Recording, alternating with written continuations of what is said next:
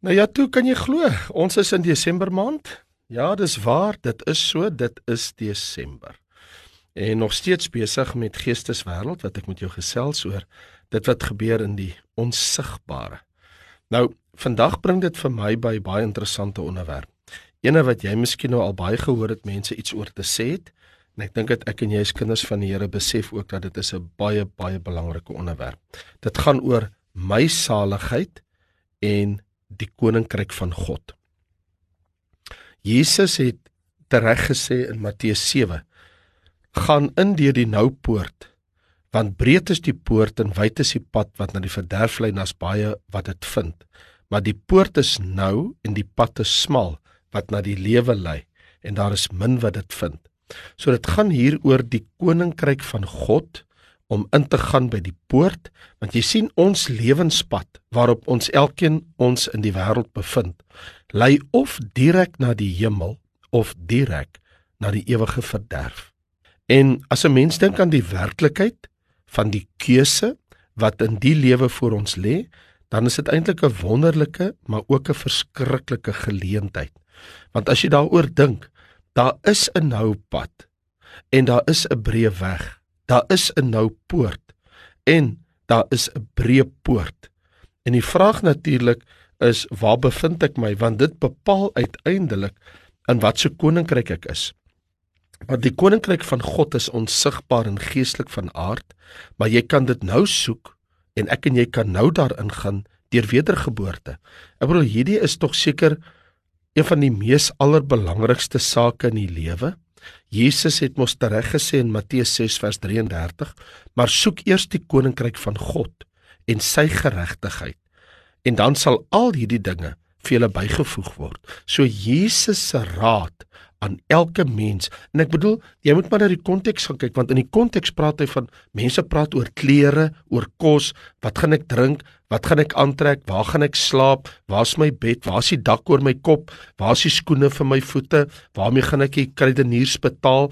Ek moet ek het 'n voertuig nodig om te ry of hoe gaan ek publieke ehm um, vervoer gebruik? Alle mense moet lewe en het elke dag sekere behoeftes. Maar is dit nie interessant dat in jou daaglikse behoeftes kom Jesus te midde van dit alles en hy sê in Matteus 6 vers 33 wanneer hy praat oor die lelies van die veld en die voëls van die hemel en jou Vader voer hulle en hy sorg vir hulle dan kom hy en hy sê maar soek eers die koninkryk van God en sy geregtigheid en dan sal al hierdie ander dinge vir julle bygevoeg word so duidelik sê Jesus waar die klem behoort te wees.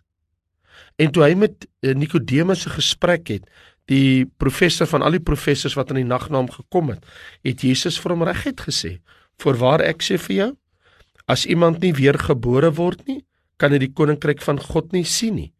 Hy kan daar nie ingaan nie." So dit gaan oor wedergeboorte want wedergeboorte gaan my bring want toe hy vra Maar hoe gebeur dit? 'n Mens kan tog nie weergebore word te verduidelik Jesus, maar wat uit die vlees gebore is, is vlees en wat uit die gees gebore is, is gees. Maar hy sê hom Nikodemus, jy moet weergebore word. Jy moet in die koninkryk van God gebore word. Jy moet oorgaan uit die koninkryk van duisternis in die koninkryk van lig. So die enigste wyse waarop ek en jy in die koninkryk van God kan ingaan want dan beteken dit ons het die saligheid beerwe kan alleenlik gebeur deur 'n geestelike geboorte of wedergeboorte. Nou hier is die vraag. So wat is wedergeboorte? Die mens as sondaar is geskape en is gebore met 'n sondige natuur. In ander woorde, Ek en jy het 'n verandering van natuur nodig. Geen opvoeding, geen kultuur kan 'n verandering bewerkstellig van my sondige menslike natuur nie. Ek het nie 'n verbetering van my sondige natuur nodig nie. Ek het 'n nuwe natuur nodig. Dis hoekom hier geskrywe staan in 2 Petrus 1 vers 4, waardeur hy ons die grootste en kosbare beloftes geskenk het, sodat jy daardeur deelgenote kan word van die goddelike natuur. So geen ouderdom, geen geslag, geen stand of posisie in die lewe vrywaar jou van hierdie noodsaaklike behoefte om 'n nuwe natuur, 'n goddelike natuur te ontvang nie. Want die behoefte aan wedergeboorte is universeel. Alle mense het 'n behoefte daaraan om sonder wedergeboorte te wees. Beteken jy's nog in jou sondes en om in jou sondes te wees beteken jy's verlore. So op die vraag, maar wat is wedergeboorte? Is die antwoord wedergeboorte is 'n geestelike geboorte om weer gebore te word. Maar hierdie keer nie fisiek nie, maar wel geestelik. Ons almal is die eerste keer gebore uit 'n vrou. Alle mense wat op die aarde is, is uit 'n vrou gebore. Maar dis nie waarvan die Here praat nie. Hy praat van om geestelik gebore te word om in die koninkryk van God te kom. So om in hierdie lewe te kom, moes ons almal uit 'n vrou gebore word. Dis kom ons sê is. Maar om in die koninkryk van God te kom, moet ons 'n geestelike geboorte deelagtig word. So wedergeboorte het te doen met die meedeling van die ewige lewe waar iemand die ewige lewe ontvang. Dus wedergeboorte is wanneer God 'n nuwe natuur aan die hart van die mens gee. Dit is dus 'n goddelike werk. Dis die meedeling van die ewige lewe saligheid, 'n goddelike daad. Dis die oorgang van geestelike dood na geestelike lewe. Soos Jesus gesê het, as iemand nie weergebore word nie, kan hy die koninkryk van God nie ingaan nie. Dit is wat hier staan.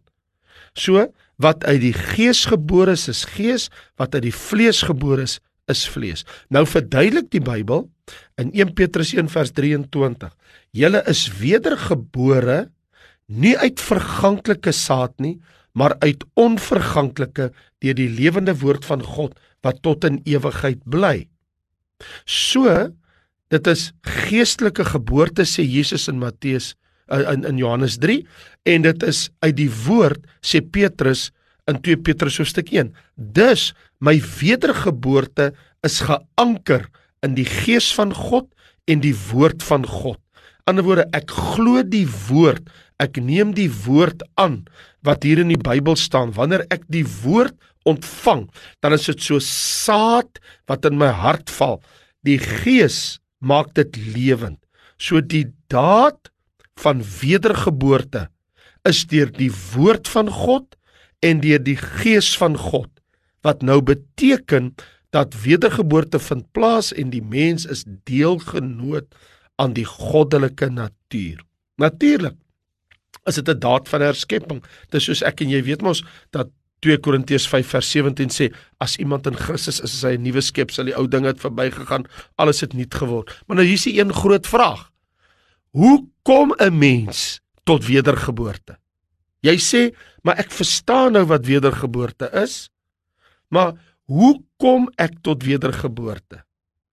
Want Jesus het dan gesê toe die doodheid opstaan, gaan verkondig aan die mense bekering en vergifnis van sondes in my naam. Wel, Handelinge 3 vers 19 sê: Kom tot inkeer en bekeer julle. So as jy vir my vra, verduidelik vir my die woordjie bekering. Ek moet my bekeer, want daar staan tog mos in Lukas 13 vers 3 waar Jesus sê as julle julle nie bekeer nie, gaan julle almal net so omkom. So op jou vraag, maar wat is 'n bekering? Wil ek sê dat there's more to it than what the eye meets. Kom ek verduidelik hoekom ek dit sê. As die Bybel sê kom tot inkeer en bekeer jou, is daar twee elemente betrokke. Want die woordjie in keer in die oorspronklike Bybel Grieks is metanoia. Nou metanoia beteken 'n verandering van gedagte. Ek kyk anders na myself. Skielik sien ek myself en ek besef maar ek is 'n sondaar. Ek het die Here nodig. Ek het vergifnis nodig. Ek het oortree teenoor die Here. Ek is skuldig. So daar vind onder die oortuiging van die Heilige Gees 'n verandering in die denke van die mens plaas. Jy jy kan nie gered word as jy nie weet jy's verlore nie. Jy weet en jy verstaan ek is 'n sondaar, ek het vergifnis nodig in my lewe.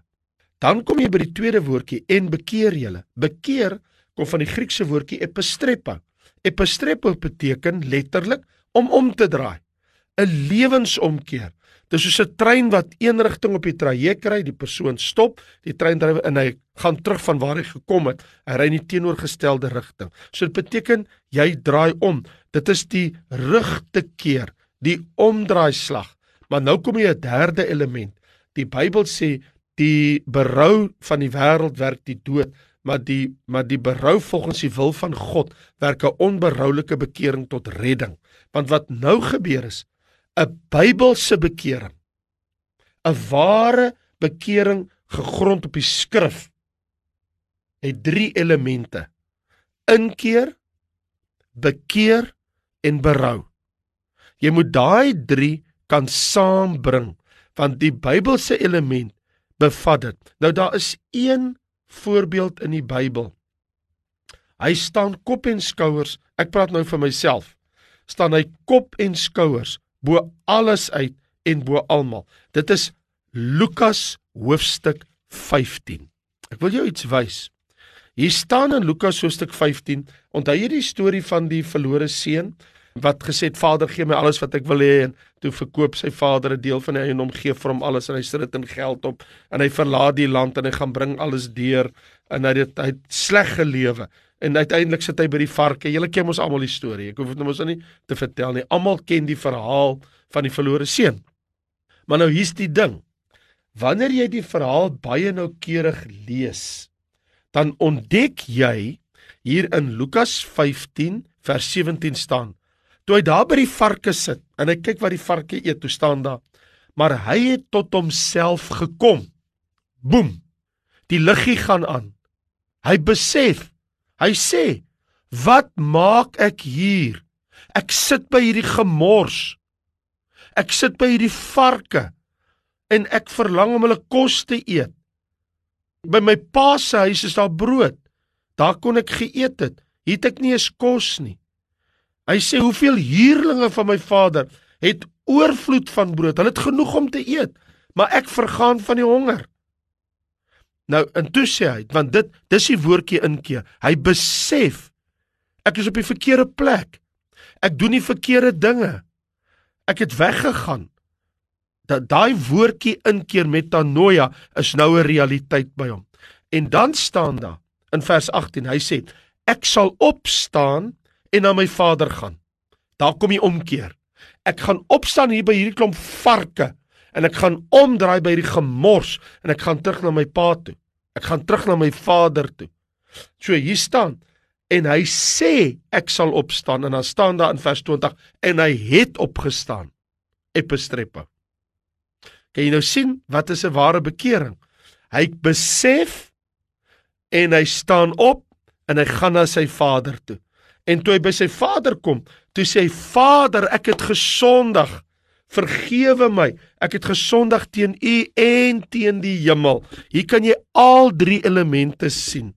Terwyl hy daar sit en hy besef sy toestand, hoe meer hy dink oor hoe verkeerd hy was, hoe sondig hy is, hoe skuldig hy is, kom hierdie gedagte by hom en hy besef maar hoekom sal ek hier bly? Hier gaan ek nêrens kom nie. En dit noem die Bybel, hy kom tot inkeer. Jy en ek moet tot inkeer kom. Jy moet weet jy het God nodig in jou lewe. Die oomblik wanneer jy dit waaragtig besef, dan kom die die saak. Nou moet ek iets doen. Nou moet ek oorgaan tot 'n optrede. En die optrede wat hy is, hy sê ek sal opstaan en ek sal na my Vader gaan. Jy moenie daar sit in die gemors waarmee jy besig is nie. Jy moet opstaan, jy moet na God toe gaan. Hy het omgedraai.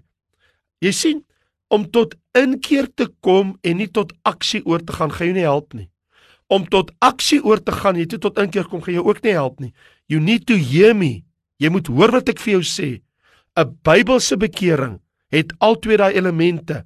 Jy moet besef jy's verlore, jy het God nodig, jy's 'n sondaar. Dan staan jy op en jy gaan na die Here toe, maar dan kom jy met berou en belydenis. Jy kom nie met selfregverdiging. Jy kom nie verduidelik hoekom jy gedoen het wat jy gedoen het nie. Jy wil nie jouself regverdig nie. Jy erken. Hy het gesê: "Vader, ek het gesondig." Hy is spyt. Hy's jammer oor sy verkeerde dade. Hy kom met 'n diepe ootmoed. Hy kom met erkenning. Hy weet hy skuldig en hy vra om vergifnis en dan word jy met oop arms ontvang. Dit, vriende, is 'n ware bekering. Verstaan jy dit? Dit is 'n ware bekering. Nou wanneer dit gebeur, wanneer die mens dit doen, dan hy gaan oor waar die Bybel sê in in Romeine hoofstuk 10 as jy met jou mond die Here Jesus bely, met jou hart glo dat God hom uit die dood uit opgewek het, sal jy gered word. Nou kan die Here wedergeboorte in jou hart laat plaasvind. Nou gaan jy oor uit die koninkryk van duisternis in die koninkryk van lig, uit die mag van duisternis in die koninkryk van die seun van sy liefde. Nou bekeer jy jou van die mag van Satan tot God. Wie tot bekering en wedergeboorte gekom het, het in die koninkryk van God ingegaan. Dis wat gebeur het. So daai belofte van 'n nuwe goddelike natuur en kind van God en gees van God in jou jou naam in die boek van die lewe. Die ewige lewe. Dit is soos Paulus en Petrus praat albei hiervan. Paulus in 2 Timoteus 4 hy sê die Here sal my red om in sy hemelse koninkryk in te gaan. Petrus sê so sal ryklik aan julle ingang verleen word in die ewige koninkryk. Albei van hulle praat Een praat van die hemelse koninkryk en die ander ene praat van die ewige koninkryk. Jy sien, dis waaroor dit gaan. In wiese koninkryk is jy? Is jy in die koninkryk van Satan op die breë weg of is jy in die koninkryk van Jesus Christus op die smal weg? En so wat die Bybel betref, het jy geweet as jy jou Bybel nou het voor jou en jy maak hom oop, maar dis nou maklik. Heel agter op die laaste bladsy van jou Bybel. So jy kan dit mos dan nie vergeet wat ek vir jou sê nie. Gaan maak jou Bybel oop op die laaste bladsy. Ek sê die laaste bladsy. Heel agter in jou Bybel waar daar geskrywe staan in Openbaring 22. En daar staan in vers 17: Die Gees en die bruid sê: Kom. Laat hom wat hoor sê: Kom. Laat hom wat dors het, kom. Laat hom wat wil die water van die lewe neem verniet. Gratis. Hier staan dit. Op die laaste bladsy van jou Bybel sê die Gees van God: "Wil jy gered word? Wil jy saligheid hê? Wil jy in die ewige koninkryk ingaan? Wil jy in die ewige hemelse koninkryk ingaan? Wil jy in die heerlikheid van God ingaan? Kom net soos jy is. Kom as 'n sondaar. Kom in jou sondes. Kom met jou skuld. Maar kom met berou. Kom met belydenis en besef wie jy is, dat jy's 'n sondaar wat jou tot God bekeer en jy kom met berou en jy vra sy vergifnis. So hoe kan ek gered word? Al Jesus sê in Johannes 6 vers 47 wie in my glo die ewige lewe. So jy moet in Christus glo. Om in Christus te glo moet in sy kruisdood glo. Om in sy kruisdood te glo moet ek in sy gestorte bloed glo. Om in sy gestorte bloed te glo moet ek glo dis gestort vir sondaars se sondes. So ek kom na hom toe en ek vra vir sy vergifnis en dan so sal die Here my red. So hier is dit. Jy kan nou vandag in die koninkryk van God ingaan onsigbaar maar geestelik van aard. Dit is deur 'n geestelike geboorte om oor te gaan uit geestelike dood in geestelike lewe. So 'n ware skriftuurlike bekering is 'n drievoudige gebeurtenis. Die mens kom tot inkeer, hy bekeer hom en hy kom met hartgrondige berou en hy bely sy skuld voor God, sy sondige hartstoestand. Hy erken en hy vra om vergifnis in die naam van Jesus. So hier's my punt. Hierdie dinge kan alleenlik gebeur wanneer die mens hom tot Christus Jesus wend en hy kom tot geloof in die seun van God wat deur die kruisdood sy bloed vir vergifnis gestort het. En wat dan gebeur is, wanneer jy so na die Here toe kom, dan vind wedergeboorte plaas. En wanneer wedergeboorte plaasgevind het, het jy oorgegaan in die ewige koninkryk van God. En Jesus sê in Johannes 14, ek gaan vir jou plek berei en ek sal jou kom haal dat jy kan wees waar ek is. So daar's plek in die koninkryk vir my en jou. Paulus sê in Filippense 3, my burgerskap is in die hemel. So daar's ook 'n belofte. So hier's my vraag aan jou. Wil jy die koninkryk van God ingaan, dan moet jy tot inkeer en bekering kom met 'n hartgrondige berou waar jy Jesus Christus bely en aanneem. En nou dat jy sy kind word, almal wat hom aangeneem het, het hy mag gegee om kinders van God te word en jy die ewige lewe ontvang het, het jy oorgegaan uit geestelike dood in geestelike lewe en bevind jy jou in die koninkryk van God. Daardie koninkryk het jy ingegaan deur wedergeboorte. Wonderlik. Daai voorreg lê voor ons op die laaste bladsy van jou Bybel. Kom. Wie wil? Wie hoor? Kom, jy sê dalk, maar ek is te sleg. Ek het te veel kere fout gemaak. Ek het droog gemaak. Die Here sê, wie wil kom? Mag die Here jou seën. Ek is Raymond Lombard, daarvan Volle Evangelie Kerk Lewende Woord Gemeente in Tyger en Parow. Volgende week gesels ek met jou verder. Baie dankie en totsiens.